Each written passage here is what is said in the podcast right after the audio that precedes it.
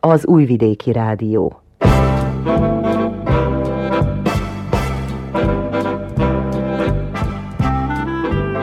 Mozaik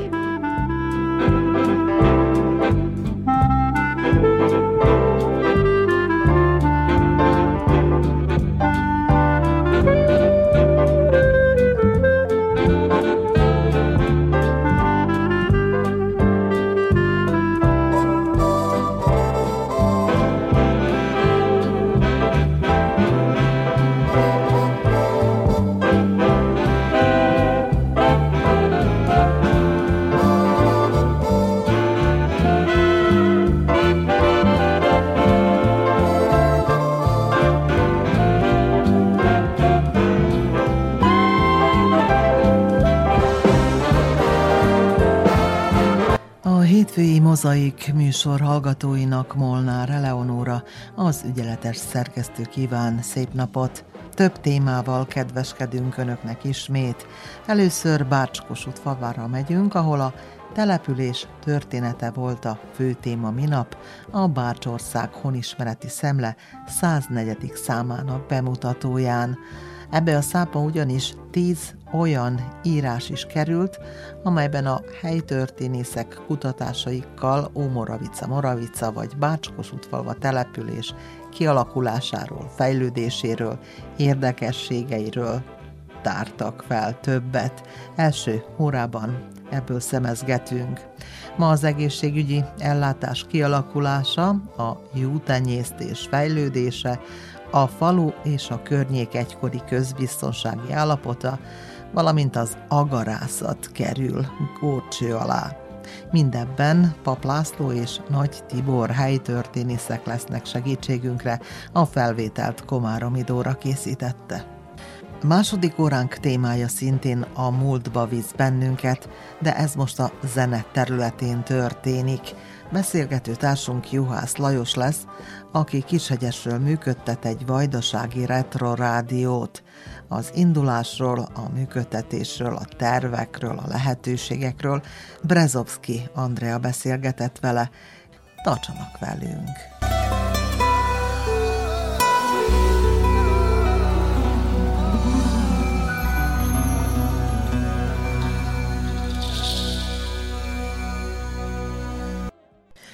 A Bácsország honismereti szemle 104. számába tíz olyan cikk is került, ami Moravica Bácskosut falva történetéről szól, vagy valamilyen módon kapcsolódik a településhez.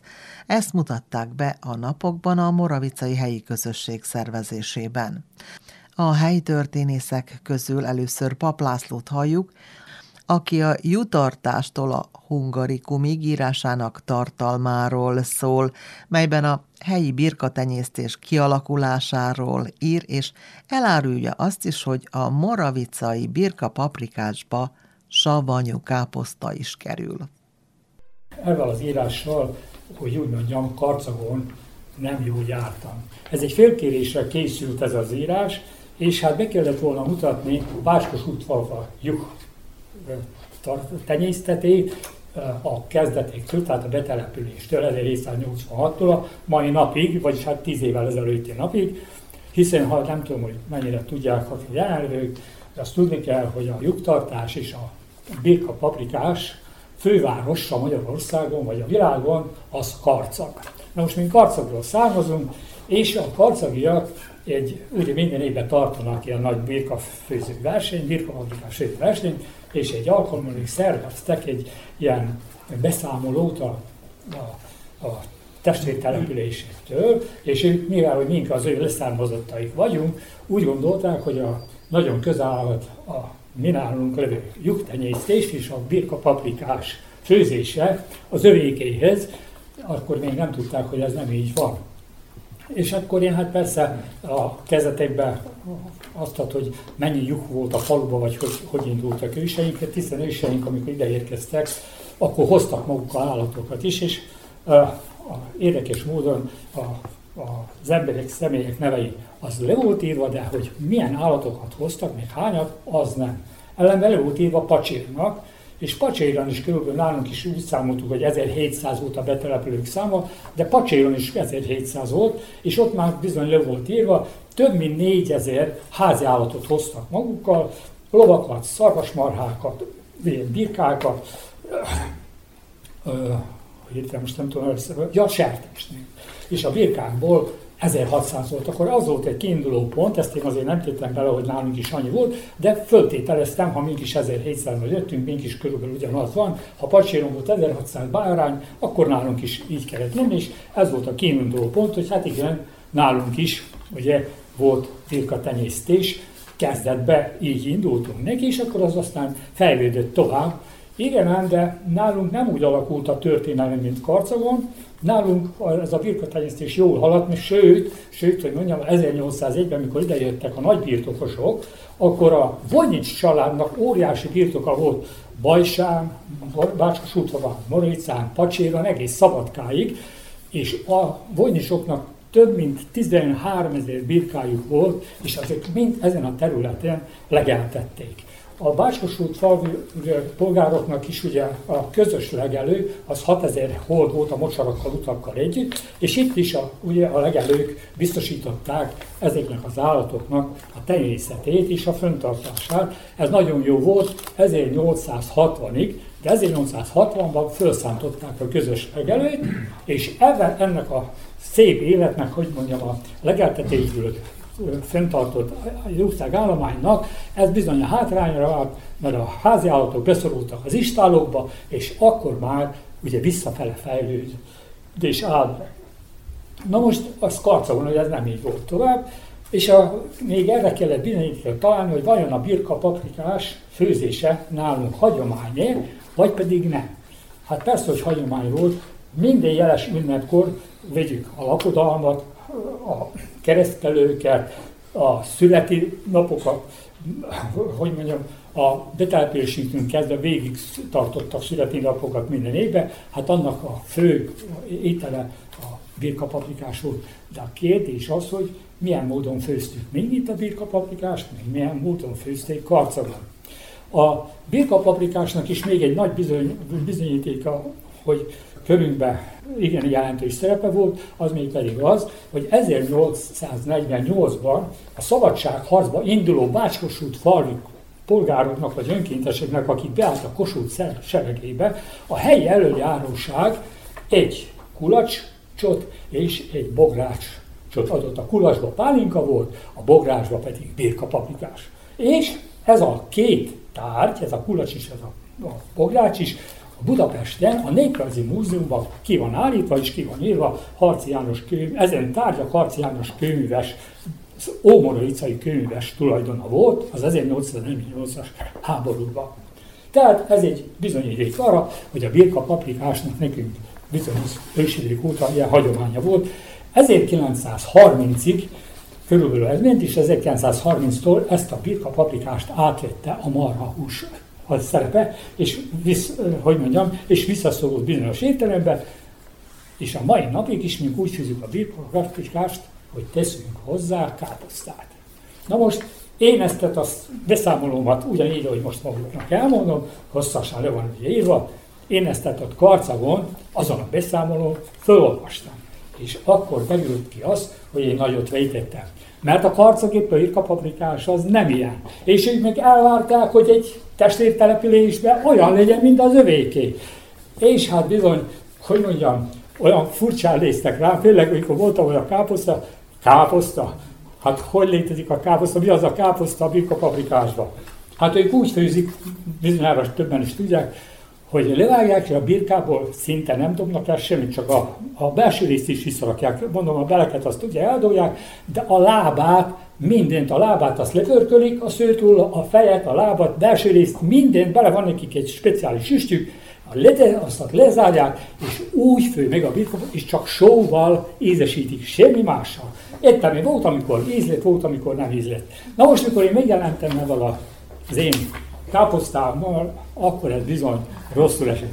Ezért úgy gondoltam, hogy elteszem félre ezt az írásomat, én ezt meg se jelentettem soha többet, hogy ne terüljön ezt ki annyira még, hogy ne kompromittáljam magunkat a karcagők előtt, mert olyan furcsán néztek rám, hogy a, beleteszik a káposztát, abban totál mindent elrontottuk. Hát ez az írásomnak a rövid tartalma. Amit szeretnék hozzáfűzni, ha megengedik, a nyugtartástól a hungarikult cikkhez, én nagyon szerettem a birkapörköltet, és én személy szerint káposztával szerettem, és engem a cikk meggyőzött arról, hogy Bácskosútfán finom pörköltet főzhetnek, mégpedig mindjárt felolvasom, hogy miért. Engedjenek meg néhány mondatot a cikkből. Tíz évvel ezelőtt történt, hogy a Rizling Egyesület vendégül látta dr. Nagy László, a Budapesti Kertészeti Egyetem tapasztalt tanárát, tartson egy előadást Bácskosútfalván. A szép és tartalmas előadást ebéd követte Bűsz Henrik Pacséri házában, ahol a hagyományos menü birkapaprikás szőlős gazdagmondra volt. Tanárul eleinte szabadkozott egy kicsit, hogy nem is szereti a birkapaprikást, de azért megkóstolta. Végül aztán háromszor szedett, és kijelentette, ha másért nem is, de ezért érdemes volt eljönni Budapestről. Tehát, hogyha a tanárul nem szerette, és végül háromszor szedett, akkor biztos, hogy nem a paprikást főznek, és remélem egyszer lesz lehetőség megkóstolni. Ennyit szerettem volna még. A birkapaprikáshoz még annyit, mert a karcegiek sérelméhez, hogy amikor két tanártársam, az egyik sajnos megboldogult mondom, mindenki ismerte, sokakat tanára is volt Sziget Imre tanár úr, és Bika tanár úr elmentek Karcagra birkafőző versenyre, abban az évben 720 kondérba főtt a, a birka. 720 kondér. Harmadikak lettek. Pedig Moravici módra csinálták, tehát káposzta volt benne, és a zsűri pont ezt emelte ki. Hogy nem úgy, mint a többiek, hanem ennek ez a kuriózuma, hogy savanykás és káposztával van, és ezért kapták a bronzot. Úgyhogy nem kell szégyelni, még ha őket dühít is, de ez egy olyan kuriózum, amit lámások megbecsülnek.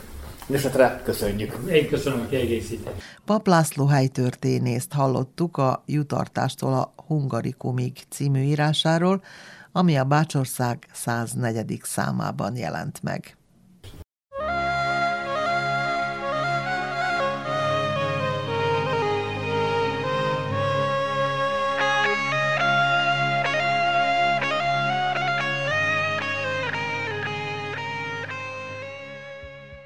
Pap László helytörténész a falu nevével is foglalkozott, de most visszatérünk a település alapításának idejére, 1785-be, a téma pedig az egészségügyi ellátás kialakulása a falu területén.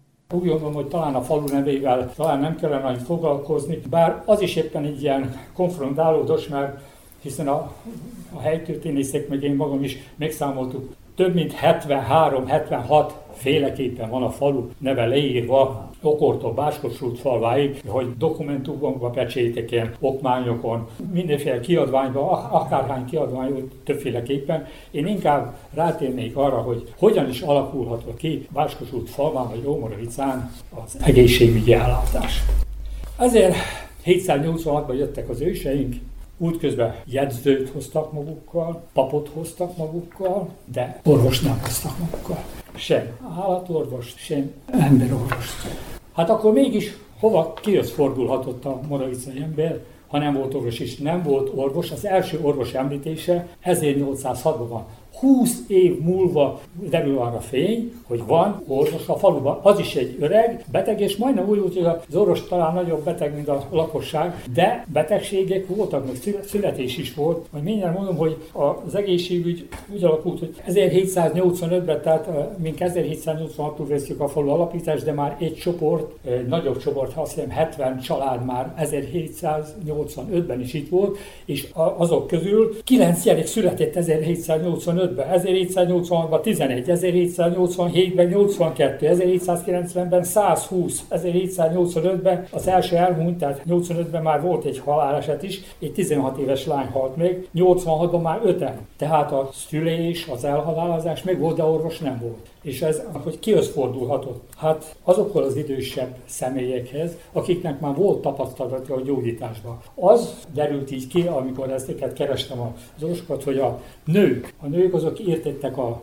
az emberek gyógyításához, míg a férfiak az állatok gyógyításához. Mikor az előbb a birka tenyésztésről beszéltem minden, akkor lehet, hogy nem elegettem, tehát itt rengeteg csikós gulyás pásztor volt, akik meg tudták gyógyítani a az állatokat. Tehát a lovaknak is volt gyógyítója, és ezek a férfiak munkája volt. Erre nem tértem ki, de a, a, az egészségügyi ellátásunkban ez benne van. Az életünk felett ezt így a természet törvényei uralkodtak. Annyi született, amennyit a természet rendje szerint született, és annyian is haltak meg, ahányat a természet adta betegség okán a halál elragadott. A betegségek milyenek voltak? Volt száraz betegségek, most úgy mondom, hogy abba a korban hogy nevezték. Ez volt a tüdővész, vízi betegség, ez szívelégtelenség, nehéz nyavaja, az görcsök, dagadás, az a szívbetegség szintén, sínlődés, ez tüdővész volt, torokragadás, ez a sárla, matics,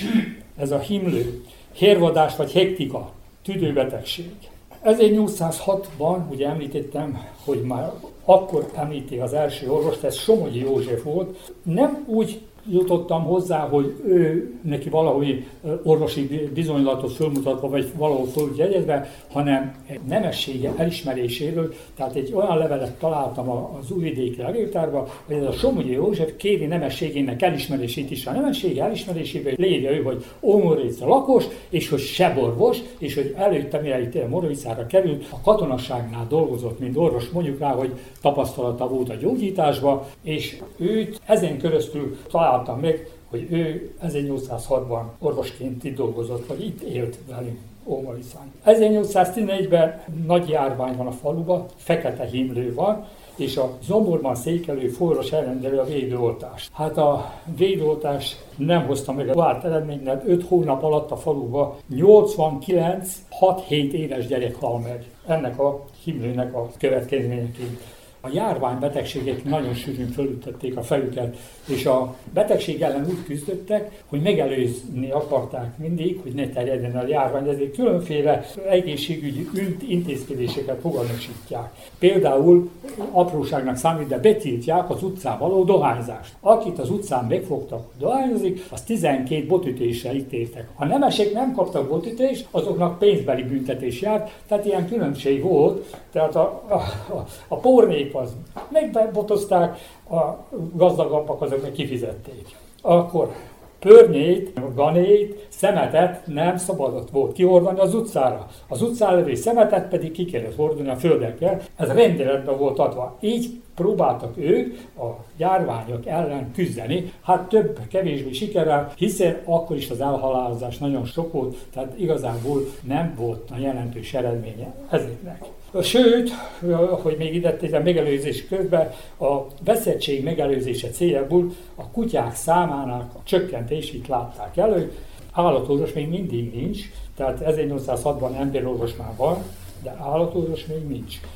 1819-18-ban egy új seborvosa van a falunkban, Ókér Ferencnek hívják. Ő az, aki beoltja a gyerekeket himlő ellen, és ő tudósít a Bácsmozog vármegyének, hogy hány gyereket oltott be himlő ellen, és még azt is, hogy hányat nem. Mert most, ha összehasonlítom a jelen helyzetünkkel, itt is vannak szkeptikusok, akik nem hisznek a, a védőoltásba. Akkor is volt, 1819-ben, akik azt gondolták, hogy a himlőoltás az nem megfelelő, és ők maradnak a természetes gyógyszerek használatánál. Persze a, a nagyon sok elhalálozás, gyerek elhalálozás bizonyíték arra, hogy bizony akiket nem oltottak be, azok, azok általában ugye meghaltak.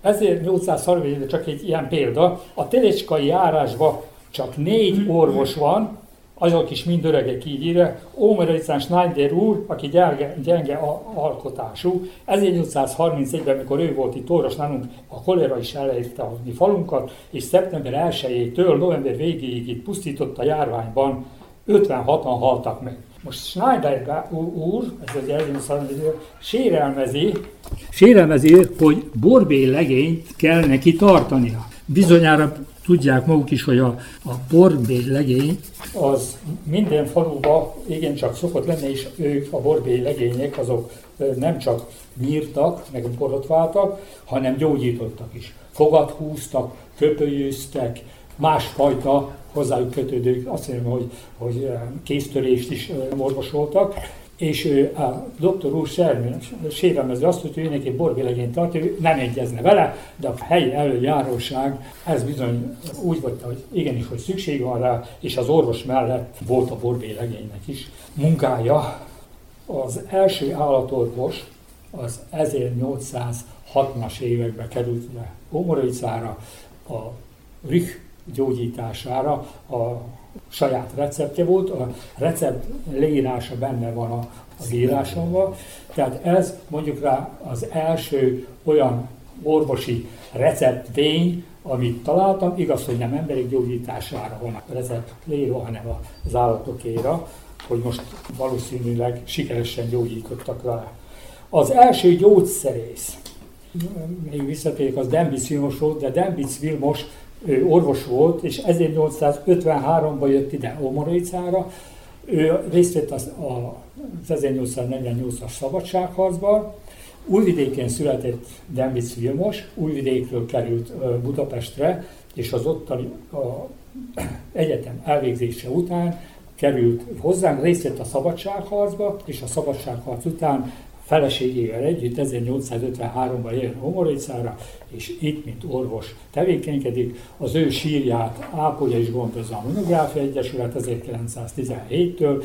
Nekünk ez egy nagyon szép emlék, hogy van a falunkban, vagy nagyon szép történet, hogy van a falunkban egy 1848-as szabadságharcos, akinek a sírját tudjuk ápolni, gondozni, és az ő emlékét föntartani. Ő 50 évig volt orvos falván, és az ő megjelenésével ő már tanult egyetemet végzett orvos volt, se orvos, aki az egészségügyet egy olyan nívóra emelte föl a faluba, hogy, hogy azkor már lehet azt mondani, hogy most már szabályos rendezetten, szaktudású vett részt. Ez mellett még nem emlegettem, hogy a bába asszonyok, tehát a betelepüléstől a egész odáig Dendis Vilmosig a bába asszonyok azok rendszeresen hogy mondjam, segítették a szülést a nőknél, és igen sikeresek is voltak, és a Dembic Vilmos idejövetelével két Budapesten végzett, de Báskosút falvi hölgy, akiknek a neve is szintén le van írva, ők vettek részt aztán az egészségügyi ellátásban itt Ómorovicán.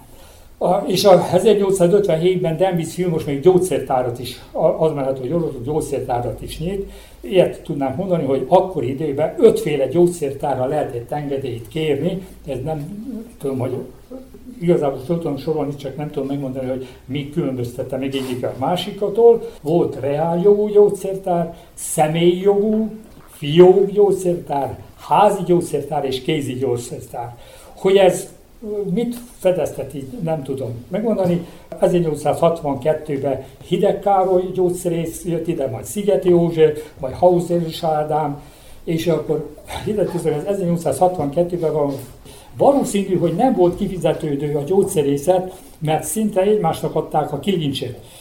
Hiszen 1862-től 1873-ig négyen is voltak itt gyógyszerészek, 1866-ban Hochbauer Ignác gyógyszeréről kerül Moravicára, ez azért akartam így kihangsúlyozni, hiszen ő dédnagyapja Kosztolányi Dezsőnek és Csád Gézának. A múzeumban van egy Kosztolányi Dezső életrajzának a leírása, és a Kosztolányi Dezső életrajzában van egy ilyen, Kosztolányi Dezsőnek egy ilyen egy gyerekkori élménye, hogy ő gyerekkorában kijött a déd nagyapjához, Báskos falvára, hiszen itt volt gyógyszerész, és ő itt nagyon jól érezte magát a falu. A gyógyszerészet igazából akkor vesz nagy lendületet 1920-ban, amikor Modricsi Milán, őt már bizonyára mindannyian ismerjük, vagy az legalábbis az idősebbek, megveszi a gyógyszertárat Kis Sándor gyógyszerész örököseit előtt, és megváltó néven vezeti 1967-ig. Modricsi Milán az egy nem csak hogy gyógyszerész volt, hanem nagyon aktív életet, társadalmi életet is folytatott itt a faluba. Ő tagja volt az önkéntes tűzoltó egyesületnek, sőt a, a tűzoltó egyesület vezetője is volt.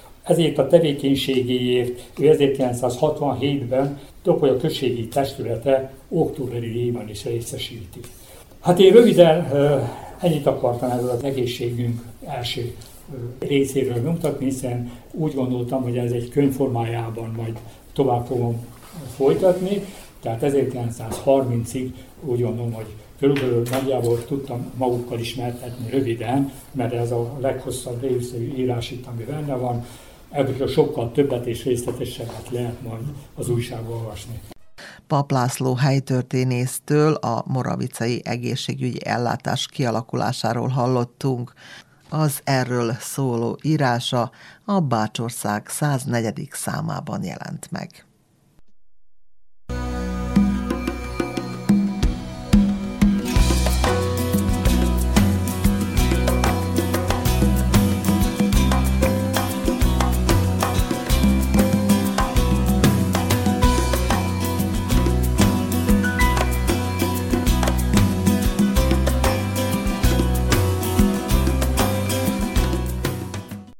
Továbbra is a Bácsország, Bács-Kossuth-Valvi írásokat tartalmazó számából szemezgetünk. A következő témánk Nagy Tibor helytörténészé, aki a rablók, lopások és csetnikek Omoravicán a 19. század elején cím alatt gyűjtött össze számos érdekességet a falu történetéből. Két cikkem jelent meg a, a Bácsországban, ennek a Bácsországnak ebbe számába az egyik rablók, lopások és csettigek úmora viszont a 19. század elején. Ennek az a története, hogy én eldöntöttem, hogy intenzíven fogom kutatni Topolya, én topolyai származás születésű vagyok, első száz évet, akivel senki se foglalkozott. És erre a legbiztosabb források azok a helyhatósági jegyzőkönyvek. Csak az a baj, hogy a helyhatósági jegyzőkönyvek, amik Topjára vonatkoznak, ezek megsemmisültek, alig maradt belőlük.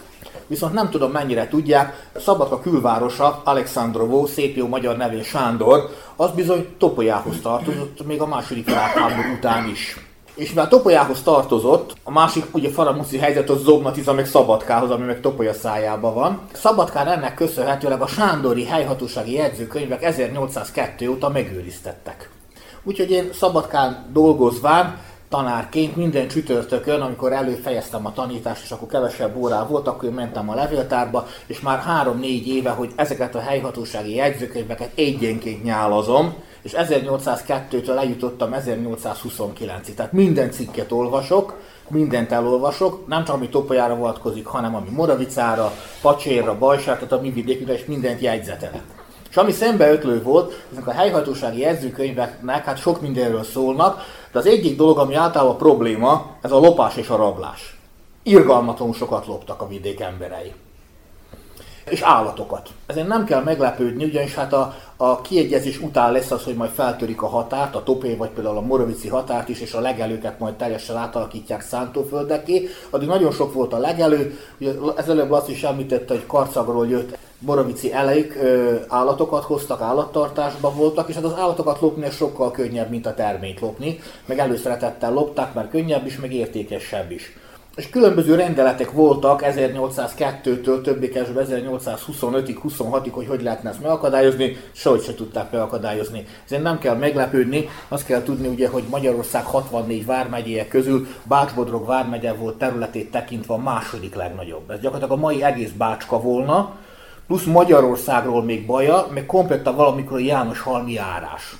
Na most ezen 420 ezer ember élt akkor, tehát az 1700-as évek végén, az 1800-as évek elején, és mindössze 21 ember volt megbízva rendfenntartással. Négy megyei biztos, meg 17 katona.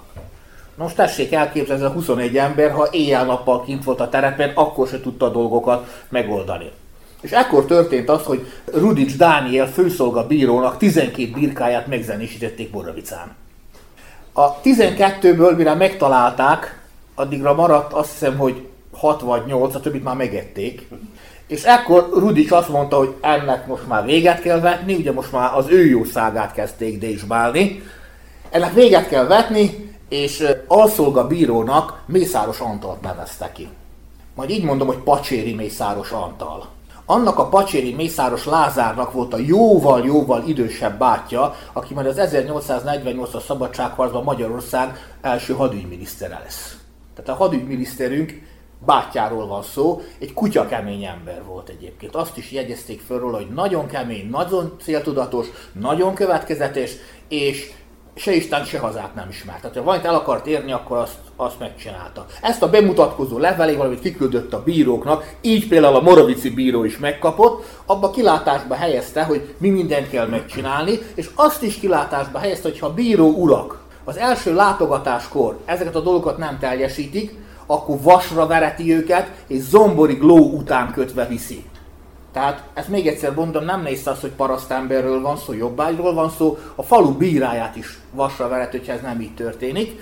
Na és akkor őt bízták hogy rendezze valahogy a dolgokat, és akkor ő találta ki ezt a dolgot, hogy akkor létre kell hozni a csetnik mozgalmat. Na most, ugye azt mondom, hogy csetnik mozgalom, akkor itt ez mindenkinek legalábbis itt ezen a vidéken, elsősorban a magyar emberek között ez egy ilyen negatív felhangja van, még ugye mi azonnal szerbekre gondolunk, azonnal főleg a második világháború idején ez a szerb nemzeti mozgalomra, ami a partizánokkal szembe helyezkedett, meg ugye mi annak idején azt tanultuk, hogy a csetnikek csak rosszak voltak, és nagyon nacionalisták voltak, és kiszolgálták a náci megszállókat, unzóvajter, unzóvajter, viszont azt kell tudni, hogy a csetnik szó az, az nem ezzel a csetnik szóval egyenlő.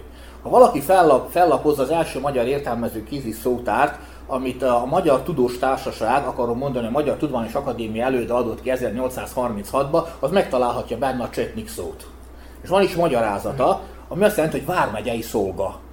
Olyan ember, aki a vármegye szolgálatában van, és a vármegyének dolgozik. Azzal a megjegyzés, hogy odaírják, hogy délszláv eredetű a szó. De a magyar már az 1800-as évek elején ismerte. Mint ahogy oda van írva, hogy harambasa, Ugye azt pedig hát tudjuk, hogy a, a, a Balkánon a, a törökök ellen partizán harcot folytató hajdukoknak volt a vezérük. Ebben az 1830-as értelmű készítőtár viszont ott áll, hogy a harámbasa az csetnik vezér volna a csetnikek vezetője. És ez a Mészáros Antal úgy döntött, hogy ő így kialakít egy csetnik mozgalmat, csetnikeket toboroz, akik valójában rendfenntartók vannak, vármegyei tiszti szolgák, felfegyverzett vármegyei tiszti szolgák, gyalogosok és lovasok, és cirkálnak majd itt a térségbe, és rendezkednek. Értelemszerűen ő, mint alszolgabíró, a telecskai járással volt megbízva. A telecskai járás pedig Sándorból, Bajmokból, Pacsérból, Moravicából, Topolyából, Kucorából, Kullából, a két verbászból, Kis és Nagy verbászból, Bajsából, Kishegyesből, a mai Lovcsanászból, akkori nevén Szeghegyből, németesen Zonhágból és Feketisből áll. Tehát ez egy hatalmas térség, és kijelölte, hogy melyik területen hány csetniknek kell tevékenykednie. Moravicán négy lovas csetniket jelöltek meg, hogy négy lovas csetniknek kell, tehát nem gyalog csetnik, hanem lovas csetniknek kell menni. Kinek fegyverzetéhez buzogány tartozik, kart tartozik, amikor szolgálatba álltak, kiderült, hogy ez nem elég, ezért kaptak lőfegyvert, de Mészáros Antal megjegyezte, aki egyébként katona volt, részt vett a napoleoni háborúban, tehát nagyon jó fegyverforgató is volt, azt mondta, hogy ezek a csetnikek azért elég rosszul bánnak a, a puskával, a drága puskával, úgyhogy ők nem puskát kapnak, hanem hosszú csövű pisztoly egy párat, viszont nem kovácsos, hanem a legmodernabb pisztolyokat szereztek be, nekik külön gyutacsos pisztolyok voltak. Ez esőben is lehetett használni, nehezebben ázott el, jobban működött. És nagyon érdekes, hogy, hogy hogyan írja le, hogy a csetnékeknek hogy kell kinézniük. Tehát a bíró, például Morovica bírája, hogyan választhat ki négy csetniket. Azt mondta, hogy mindenek előtt ezeknek az embereknek fedhetetlen jellemmel kell bírniuk. Hithűnek kell lenni, tehát vallásos embernek kell lenniük. Na és akkor itt megszakad a szép, utána jönnek a durva dolgok, nagy darab legyen, talpas tenyeres, ne borotválkozzon, szakálla, bajsza, hosszú haja megjelenésével is elrettentő legyen. Ezt így írta. Tehát már a megjelenését is félelmet keltsék. Nagy darab embereknek kell lenniük, akiknek ugyanakkor járatosnak kell lenni különböző helyeken, például a kurtakocsmákba, ahol a rossz emberek jelennek meg, a fonyóházakba és azok környékén. Mik a fonyóházak? Ez a kupleraj. Akkori nevén a fonyóházak. Tehát a fonyóházakban is bejáratosnak kell lenni. Na most egy jó keresztény az, az hogy lehet fonyóházjáró? Ez Mészáros mondta, hogy ez összeegyeztethető, csak járjon. Haverkodjon az iszákos emberekkel, és igyon velük, ugyanis bizonyítottan ezek általában ásóbetyárok lesznek, vagy ismerik az ásóbetyárokat, nem egyszerű, ők maguk is lopnak, és nagyon fontos, ismerik az orgazdákat. Ami meglepődtem, hogy Mészáros Antal egyik ilyen jelentésében leírta, hogy kik a legnagyobb orgazdák és azt mondta, hogy a csetnikeknek ezekre a helyekre oda kell figyelni. Ezek német települések, a németek a legnagyobb borgazdák. Ők nem lopnak, de a szajrét ők vásárolják fel. Tehát tessék a német településekre külön odafigyelni. Nagyon nagy gondot okozott az uniformis beszerzése. Ugyanis nem tudom miért, Mészáros Antal úgy döntött, hogy a csetnikek tiszta vörösbe fognak járni. És megfelelő vörös posztót a bírókat megbízta, hogy nézzenek szét, hogy a környékükön. Van egy úgymond valamilyen textil üzem, ahol ezt be és megvarják, és a bírók írják, hogy nálunk nincs, nincs, nincs, nincs, nincs, akkor Mészáros Antal útra kelt, és eszéken talált. Egy olyan helyet, ahol megfelelő posztot tudott vásárolni, meg is vásárolta, és meg is varatta a csetnikjeinek, és ő maga 1826-ban megtartotta az első számlét, nem is akárhol, Topolyán a mai vásártérre sorakoztatta fel a csetnikeket, a gyalog és a lovas csetniket, ő megtartotta a számlét, kiadta az utasítást, és azután akcióba lendültek. Sikeresek voltak-e? A válasz egyértelmű, hogy nem. Nem. Nem tudták megállítani a rablásokat, Körözbe hosszában mentek a rablások, Mészáros Antal akármilyen keményen is lépett fel velük, meg a bírákkal szembe, és 1828-ban megjegyzi az egyik ilyen jelentésébe, hogy az a baj, hogy a bírák nem arra használják a csetniket, amire való. Tehát nem a határt lesi állandóan még járja, hanem általában a bíráknak dolgozik. Azoknak a lovát rendezi, azoknak a marháit pesztrálja, azokat bezzeg megvigyázza, ott hiba nincs, Leveleket hordnak, mint a futárok, pedig az nem a csetnik feladata. Tehát magyarán nem lettek megfelelőképpen alkalmazva.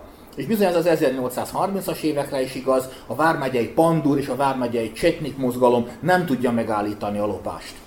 Tegyük hozzá a szabadságharc bukása után, meg pláne nem tudja megállítani a lopást, mert aki, meg, akkor meg a, a betyárok reneszánszukat élték. Hát Rózsa Sándor, akkor válik azzal a Rózsa Sándor, akit a mai napig úgy tisztelünk, hogy nem tudja a rabló király, a betyár király, hanem az a, az a talpig becsületes magyar ember, aki az osztráktól meg a rendszertől elvesz, és így is kárt okoz neki.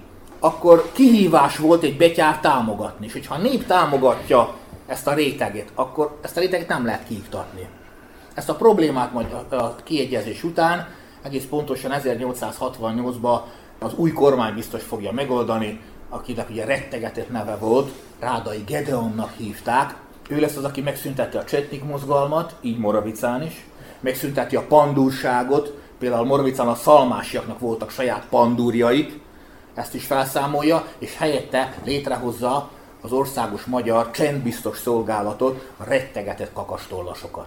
Na majd ők az 1870-es években rendbe rakják. Akkor a lopást egyszer mindenkorra tövével vágták el, de nagyon kemény, sokkal durvább módszerekkel. Hát az én írásom, ez gyakorlatilag ez az előzményeket, az 1820-as éveket taglalja, hogy hogy próbált egy helybéli, egy, hely, egy környékbélink ezt a problémát megoldani. Nem rajta múlott, ezt a problémát véglegesen nem sikerült megoldani.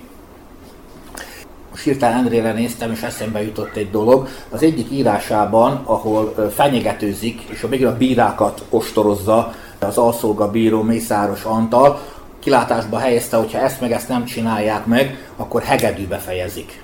És nagybetűvel írja, hogy hegedű. Hát mindjárt sejtettem a szöveg alapján, hogy ez nem a hangszer, a hegedű, hanem micsoda, és utána néztem, ez volt a kaloda. Bírót kalodába verni nem volt a vidékünkön szokás. Mészáros Antal ide bírók kerültek ezért kalodába. Piadesztára kiállítva, szégyenre, megdobálva, leköpködve, ütvevágva, mondván nem végezted a munkát. Szóval Mészáros Antal egy nagyon kemény ember. Volt, megpróbált rendet teremteni, hát nem igazán sikerült. Nagy Tibor helytörténész az Ómoravicai 19. század elejé közbiztonságról szólt.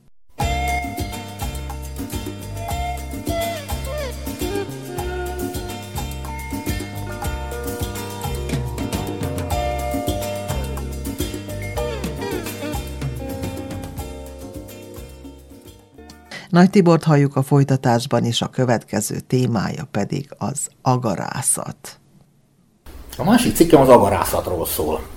Aki engem ismer, az tudja, hogy én nagyon régóta vadászok. 14 éves koromban kerültem ki először a vadászmezőkre, azóta rendszeresen naplót vezetek, vadásznaplót vezetek, tehát uram, bocsánat, több mint 40 éve járom a, a mezőket. Topolyán kezdtem, Bajsán folytattam, most pedig Moravicán landoltam, és abban nagyon szeretem a puskás vadászatot, az én szenvedélyem az agarászat.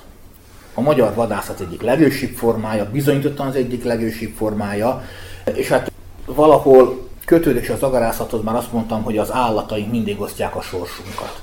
Most nemrég emlékeztünk az első világháborúra, és akkor azt mondjuk, hogy hivatalosan az első világháborúban 662 ezer magyar ember veszett oda. De kevesen tudják, hogy egy millió lovat veszítettünk, a Nónius állományunk 90%-át. Azok a lovak osztoztak a sorsunkba.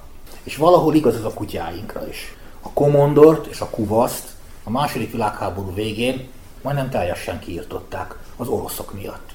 Ugyanis a férfiak a fronton voltak, a bevonuló orosz katonák, szovjet katonák nem egyszer erőszakoskodtak a nőkkel, ezért mi volt a szokás? A kutyák szabadon voltak. Ezek a nagy testű, az oroszok fogalmaztak, fehér kutyák pedig veszélyesek voltak. Vannak feljegyzéseink, hogy szovjet katonákat lefújtottak a kutyák. Bement rabolni vagy erőszakoskodni, kutya megindult és vége. Ezért nekünk megvan az a rendeletünk, ami nem csak Magyarországra, hanem vidékre is volt, amit a szovjet hadsereg kapott meg, hogy ezeket a kutyákat azonnal le kell lőni.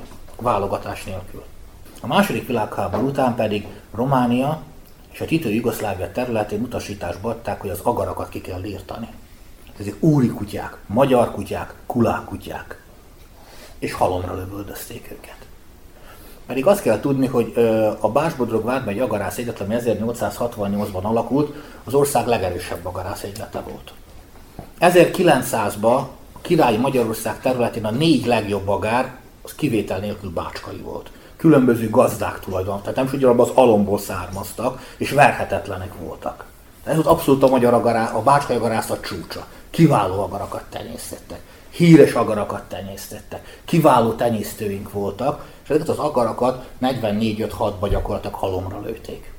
Azonban azt is kell tudni, hogy eldugott tanyákok, főleg a Tisza mentékében, kis falukban agarakat tartottak az emberek. Én nekem két éven tellett, mire megtudtam egy ilyen embert Bajsa környékén, és még két évenben, mire egyáltalán hajlandó volt velem szóba állni, addig azt se akarta tudni, hogy mit jelent az agár szó. Minél italozgatás után azt mondta, hogy akkor másnap menjek ki a tanyára, és akkor, akkor mutatott két kis agarat.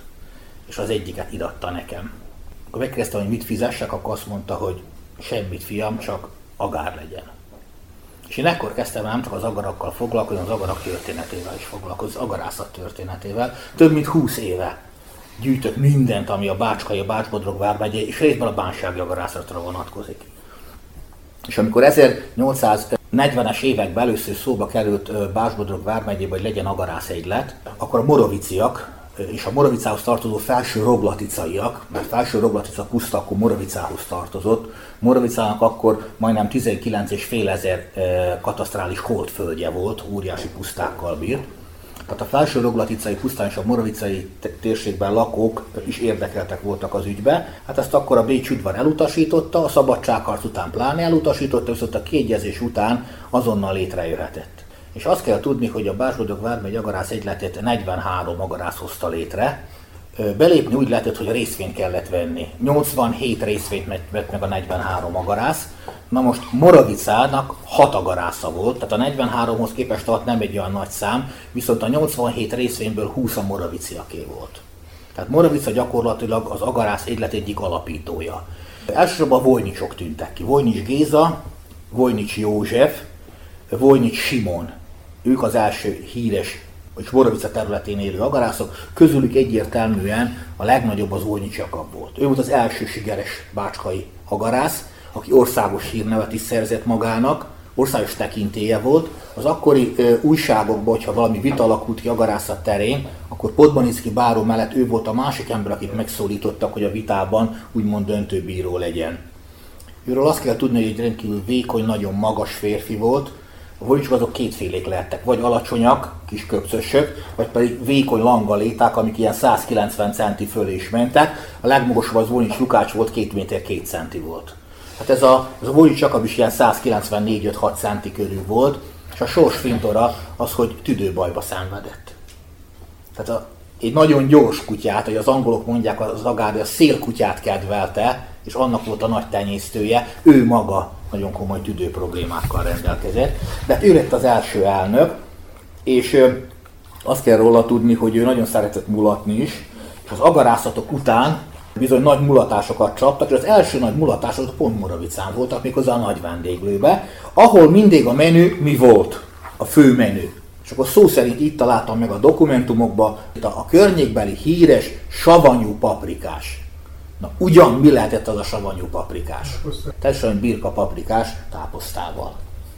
Ezért mondom még egyszer, hogy nem kell ezt szégyelni, tehát ezt fogyasztották, és az mellett ugye zenészek voltak, hát a leghíresebb cigány primás, meg a zenészekre nézek, az Piros Józsi volt.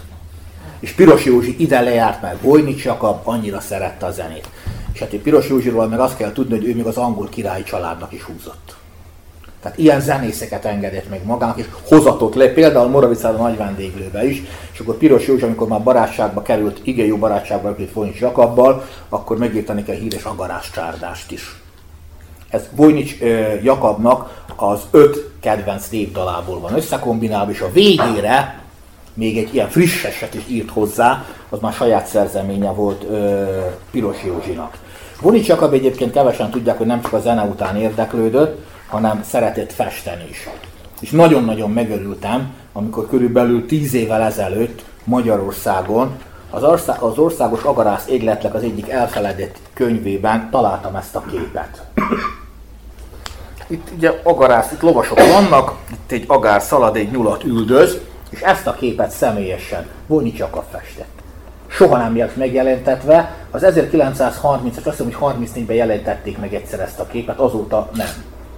Akkor azt gondoltam, hogy ehhez a cikkhez ez illik, ez dukál.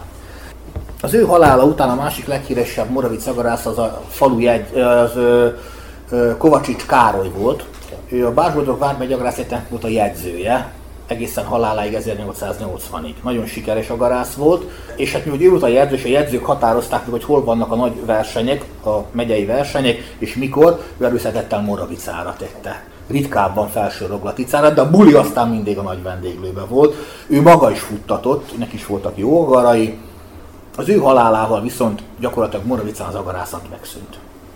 Viszont a Moravicához tartozó felső roglatica pusztán nem Felsőroglatica puszta, alsóroglatica puszta, hogy ez a mai cserepes, és Zoblatica, a Bácsbodrog vármegye agarász egyletnek a fellegvára lett. Gyakorlatilag ebbe a három szögbe szorult bele Moravica, de itt már akkor nagy, nagy agarászok 1880 után, nagy agarak, bővérű agarak nem igazán teremnek. Viszont érdekes módon még a 70-es években is itt találtam följegyzéseket agarakról.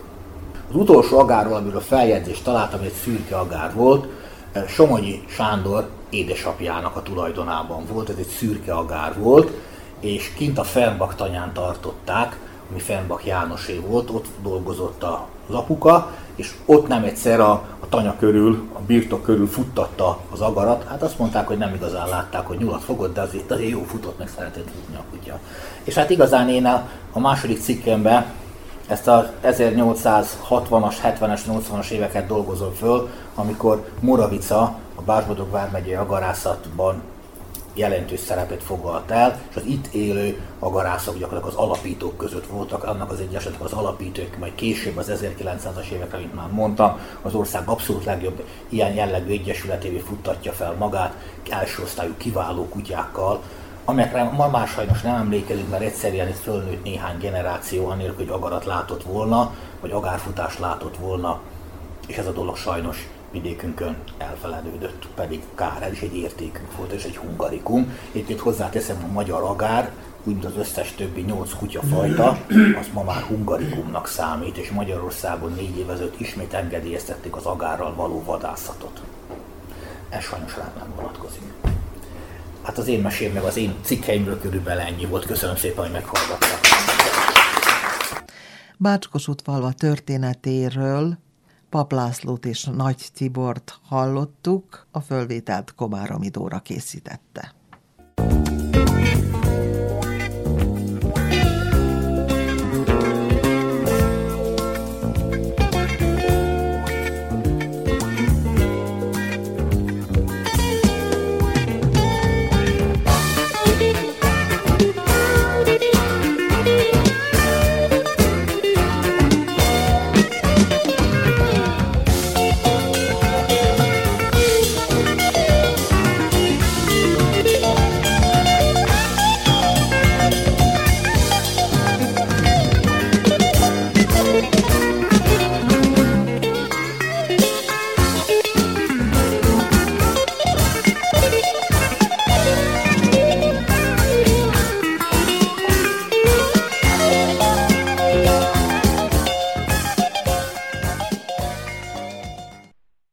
Következő beszélgető társunk Juhász Lajos lesz, aki Kishegyesről működtet egy vajdasági retrorádiót. Az indulásról, a működtetésről, a tervekről, a lehetőségekről Brezovski Andrea beszélgetett vele. És mindezt sok régi emléket felidéző zenével is megfűszereztük. Fogadják szeretettel! A retro szóra az idegen szavak szótárában egy tömör meghatározás található, ezek szerint jelentése múltat idéző. Az elkövetkező percekben egy kishegyesről üzemeltetett internetes rádióról lesz szó. Juhász Lajos, a Vajdaság Retro Rádió működtetője, kishegyesi lakos, szakmáját tekintve pedagógus, és korábban népszerű DJ volt Kishegyesen, és a környéken is. Pontos ez így? Nagyjából igen. Mondjuk pedagógusnak nem igazán tartom magam, én elektrotechnikai szakember vagyok, és teljesen véletlenül kerültem az oktatásba, mint gyakorlatvezető tanár, és hát akkor időközben ugye így át nevelődtem pedagógussá is egy kicsit, de hát az alapszakmámat tekintve elektrotechnikai szakembernek mondanám magam inkább. És mióta dolgozik a tanári pályán? Hát ez már a 18. évem. Akkor szerintem most már kiképzett pedagógus is vár magából. Igen, fölnevelettem, fölnevelettem. Tehát mondhatni, hogy nagykorúvá váltam a pedagógiában is. Térjünk vissza akkor egy kicsit a Vajdaság Retro Rádióhoz, akkor innen idézzük fel egy kicsit a múltat. Meséljen a kezdetekről, hogyan indult tulajdonképpen a Vajdaság Retro Rádió. Ez a rádió ez úgy indult tulajdonképpen, hogy nagy szeretettel hallgattam a régi zenéket mindig is, ugye ez bennem volt, hiszen én a 80-as évek második felében váltam lemezlovassá, meg előtte is már zenebolond voltam, így hobbi szinten, és időről időre meg-megszűntek azok az én kedvenc internetes rádióim, amiket hallgattam, valamint feltűnt az, hogy a menő nagy úgynevezett retro és láger rádiók már rengeteg zeneszám ismétlődik, tehát elég kevés bázissal dolgoznak, és akkor jött az ötlet, hogy miért ne lehetne azokat a már-már feledésben merült zeneszámokat is újra játszatni, újra hallgattatni az emberekkel, akik talán valamikor szerették, és talán valamilyen emlékeket idéznek majd fel bennük. Mert nálam legalábbis ez mindig úgy működik, hogyha meghallok egy régi zeneszámot, akkor nagyjából azonnal be tudom tájolni, hogy akkor, amikor ez sláger volt, akkor pontosan mi történt velünk, vagy velem, lehet ez jó dolog, lehet ez öröm, lehet ez szomorúság, de mindenképpen valamilyen emléket felidéz. És hát akkor így jött a kutakodás, hogy hogyan lehet elindítani egy ilyen internetes rádiót, mi minden kell hozzá, és így lassan-lassan épült a dolog. Amikor volt szabad időm, akkor kizárólag ezzel foglalkoztam, hogy hogyan lehet. És hát nagy nehezen, most már ötödik éve lesz, november 29-én lesz az ötödik éve, hogy, hogy hát megállás nélkül működik. Thank.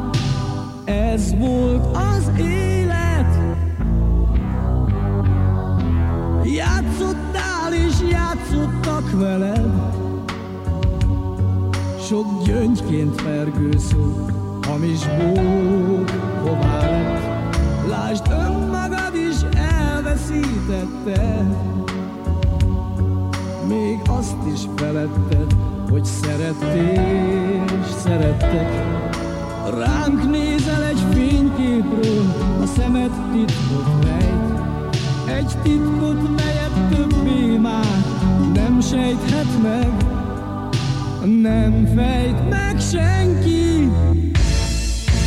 Álmodj ki,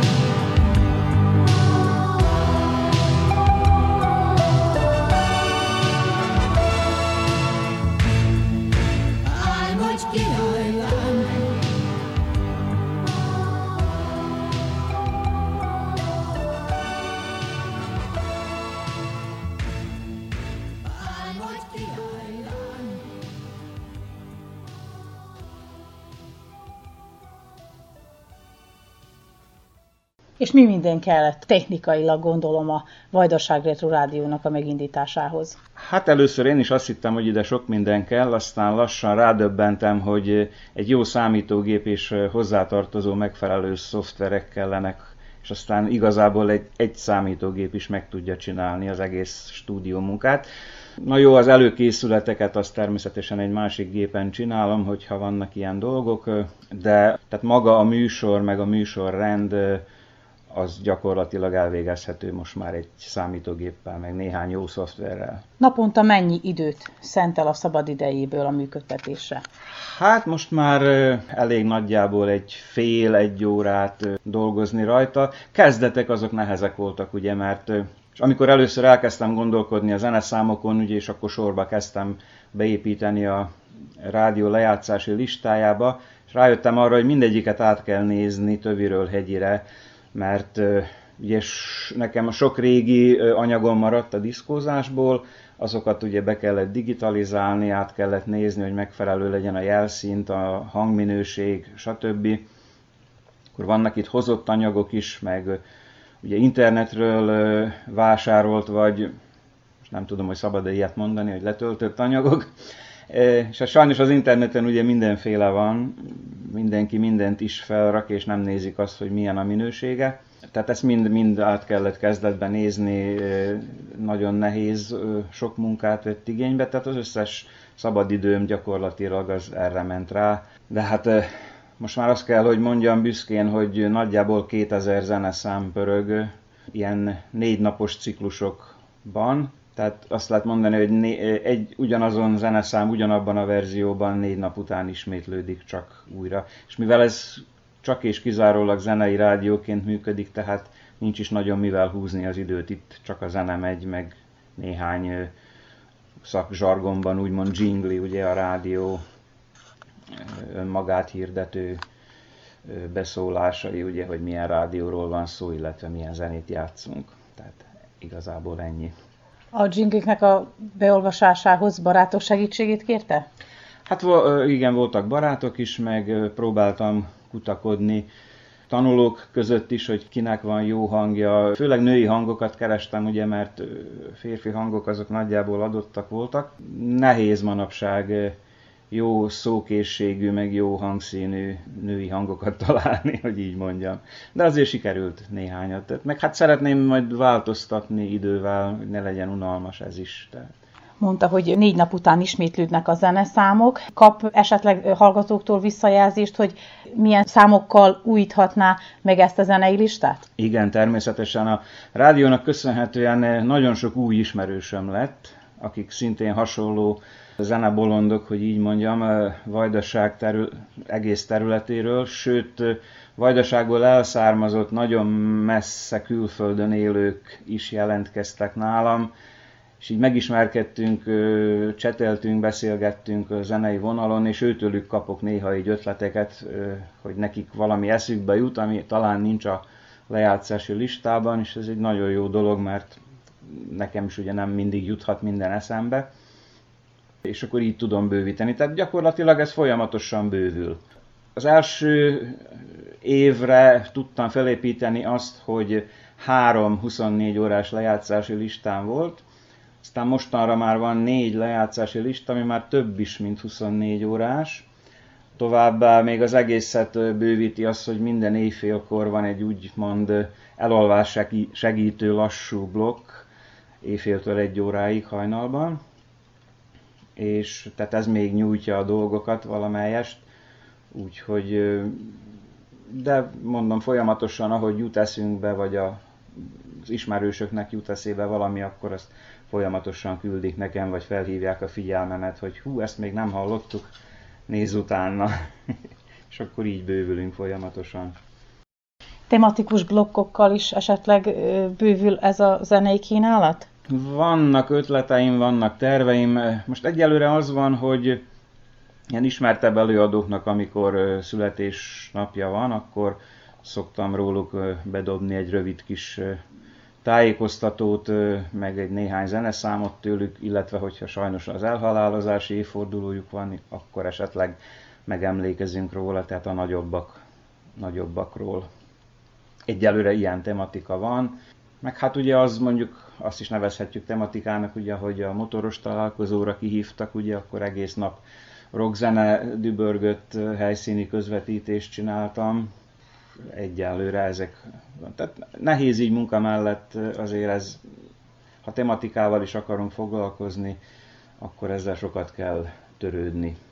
Volt kétszer már csináltam élő kívánságműsort, azt is teljesen egyedül, minden technikus segítség nélkül, de az is elég jól, jól ment. Az ilyen egy óra hosszás kívánságműsor volt, úgymond élő kívánságműsor. Az egésznek a pikantériája az lett, hogy a hallgatók a, igazából a végére lelkesedtek fel. Az utolsó negyed órába kaptam a hívások garmadát, amikor már nem tudtam beépíteni a műsor keretbe. Hát meg is nyújtottam egy kicsit a műsoridőt, de, de hát más miatt sem fértem bele, mert ugye egyéb elfoglaltságaim, dolgaim is akar, voltak sajnos, és akkor így nem tudtuk tovább húzni.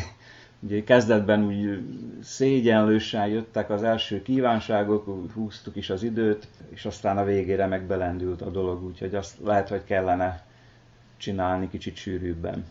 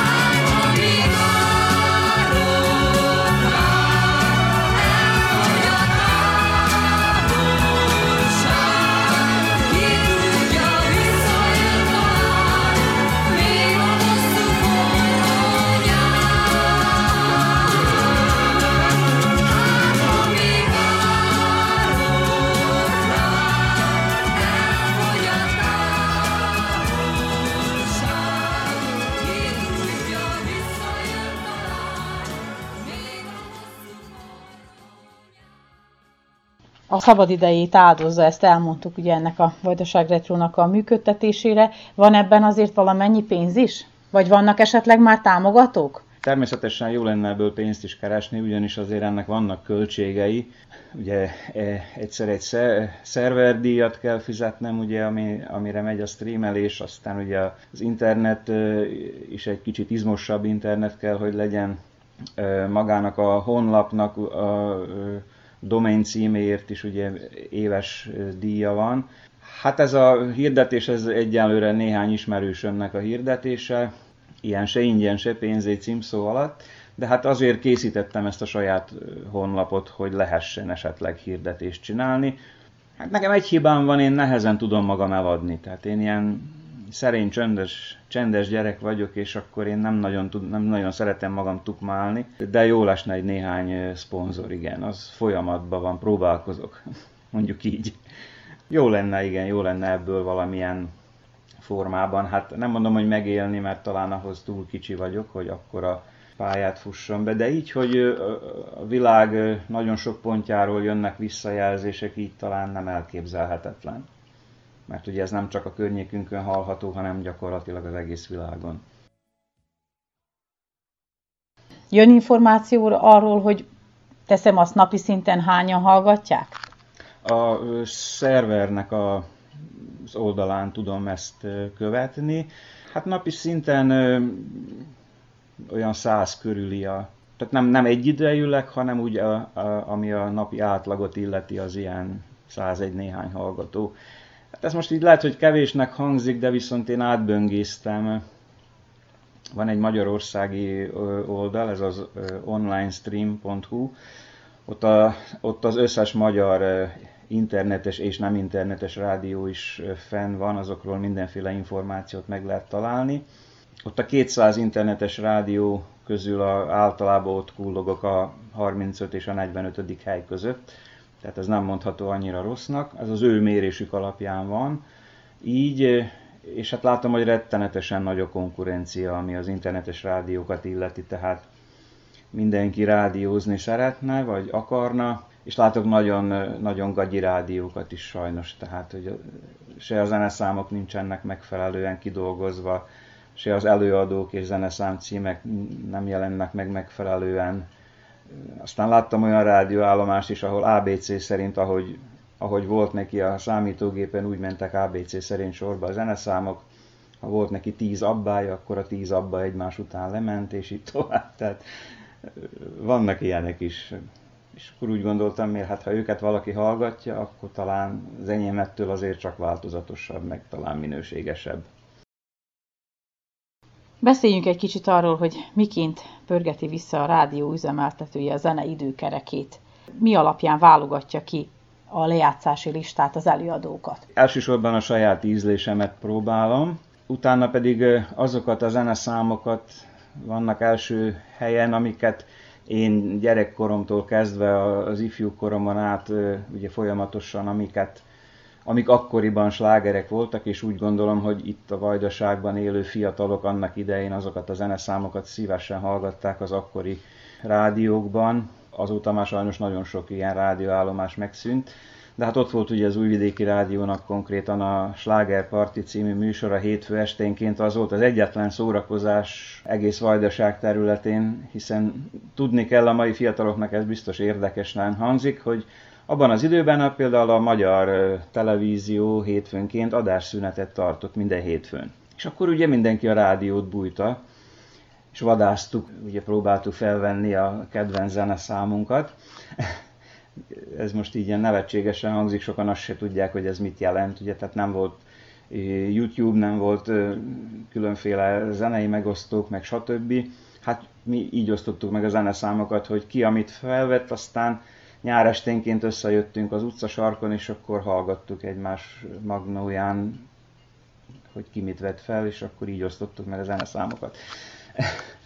Tehát ez nagyjából mondjuk így, hogy az én ízlésvilágom, meg, meg az, hogy mik voltak a menő, menő slágerek visszamenőleg. Tehát vannak itt az 50-es, 60-as évek rock'n'roll zenéjétől kezdve, a 70-es évek disco funky zenéjén át, a 80-as évek Italo diszkója volt akkoriban, és 2000-es évig bezárólag, hát én aztán a 2000-es évek után már úgy kezdtem kikopni a diszkóból, meg az a kemény technó vonal az már nem igazán az én világom volt. Tehát így, és akkor így áll össze nagyjából ez a, ez a lista.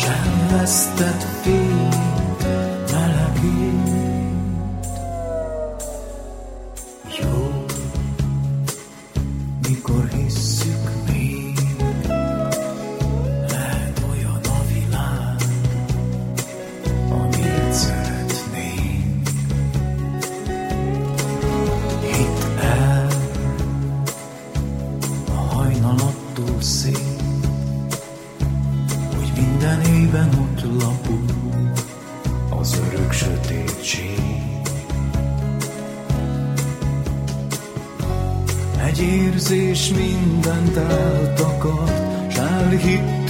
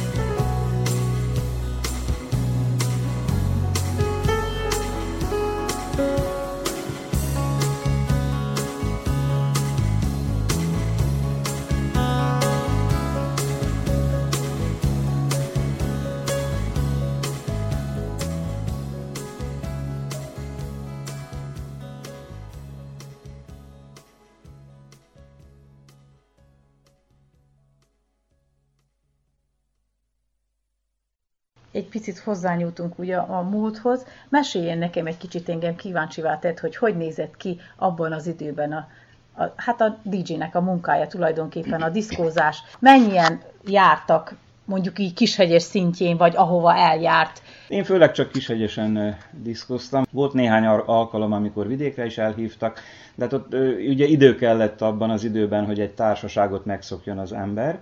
Hát akkoriban mi itt kishegyesen kazettás magnókkal dolgoztunk, sajnos, mert ugye a bakelit lemezeket elég drága volt beszerezni, és így olcsóbb volt kazettás magnókra. Általában Belgrádból és Zentáról, illetve Szabadkáról voltak ilyen kis, hát nem, nevüket nem igazán elárulni akaró fiatal emberek, akik valahogy hozzájutottak a, az akkori menős lágerekhez, a maxilemezekhez, és akkor ők bizonyos pénzösszegért ugye ezt nekünk átfelvételezték kazettákra, és hát erről tudtunk, ebből tudtunk gazdálkodni.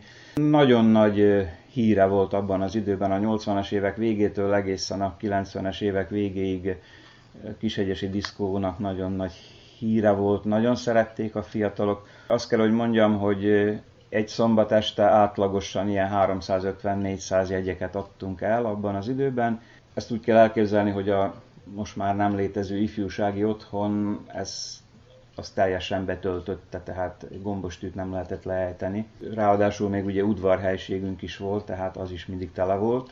Hát így dolgoztunk mi annak idején.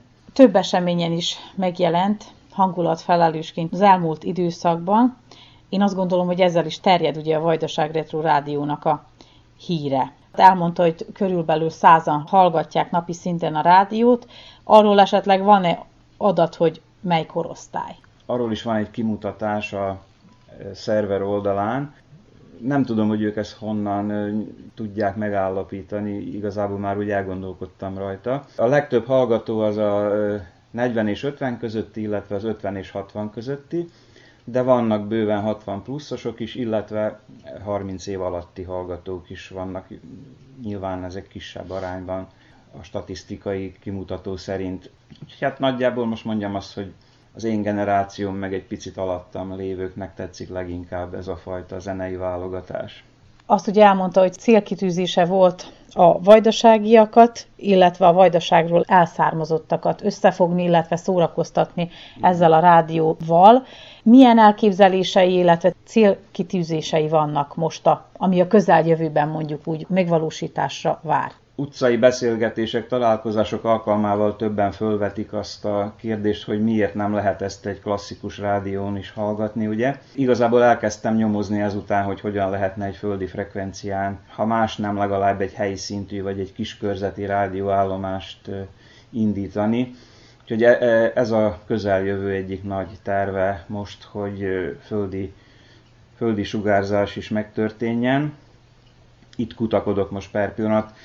Az a nagy helyzet, hogy itt a mi környékünkben még igazából nem tudtam kézzel fogható segítséget találni, senki nem tudta ezt megmondani, hogy merre induljak el, kit kell megkérdezni, mi mennyibe kerül, ugye frekvenciadíja, zenei jogdíjak, stb. Tehát erre még egyelőre érdemben nem találtam választ, de folyamatban van a dolog. Tehát több irányba küldtem ki e-maileket, és most vár, várom a visszajelzéseket, hogy hát ha, hát, ha valaki tud egy, egy értelmes választ adni, hogy valójában merre kellene elindulni. Elmondtuk ugye, hogy akkor a vajdaság retro.com-on lehet hallgatni, lehet-e még valahol elérni?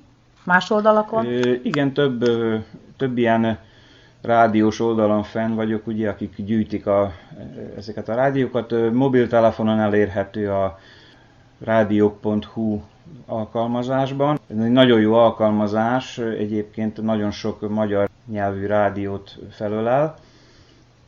Aztán ugye a magyarországi online streamen fenn vagyok, a hazai Radio Box oldal van, szerbiai, meg azt hiszem a Rádió Stanice Uzsivo nevű oldalon is szintén be vagyok jelentkezve. Tulajdonképpen itt történik meg a zenei jogdíjak fizetése is, mert ők összefogják ezeket a kis internetes rádiókat, és akkor ez, ez egy ilyen közös kasszába megy.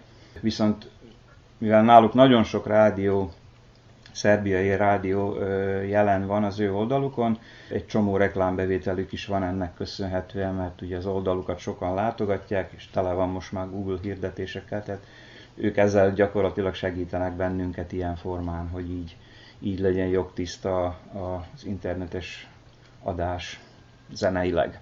Én nagyon szépen köszönöm az interjút, és akkor kívánok még jó munkát a továbbiakba is, hogy szórakoztassa tovább a vajdasági és az innen elszármazott közönséget. Én, én köszönöm a lehetőséget, és hát bízunk benne, hogy ez még továbbra is csak bővülni és szélesedni fog majd. Juhász Lajost hallották az elmúlt órában, ő a Kishegyesről működtetett vajdasági Retro Rádió megálmodója. Brezovski Andrea beszélgetett vele.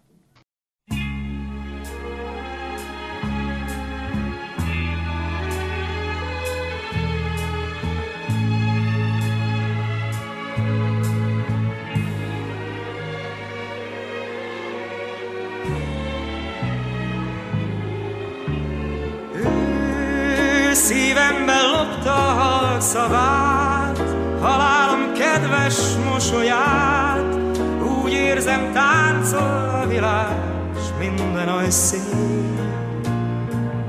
Ő egy újabb álom tükre tám, a bánat borús hajnalán, amikor gondok törnek rám, s minden oly sötét. Ő jelenti mindazt, ami jó, miatta születik a szó, örökös boldogság, hogy itt van én velem. Ő oda, amit suttognak a fák, a csend a meghitt éjszakák, számomra több, mint a világ, a mindenem. Ő, ki mindig olyan boldog és vidám, nekem is ad majd jó kedvet talán, hisz el nem hagyom én őt soha már. Ő csak velem élvezi az életet, valóra válik majd a képzelet, bárhol is legyen, szívem rá talál. Ő fény a dombok oldalán, az élet legszebb titkatán, az erős kézzel írott szó a pont után. Ő szívemmel lopta mosolyát, s én le sem várom a szavát, nélküle üres a jövő, számomra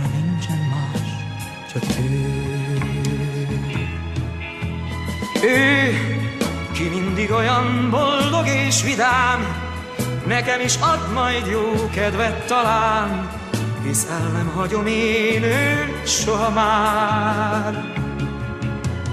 Ő csak velem élvezi az életet, valóra válik majd a képzelet, bárhol is legyen, szívem rá talál. A fény a dombok oldalán, az élet legszebb titkatán, az erős kézzel írott szó a pont után. Ő szívemmel lopta mosolyát, én le sem várom a szavát, nélküle üres a jövő, számomra nincsen más, csak ő. 天。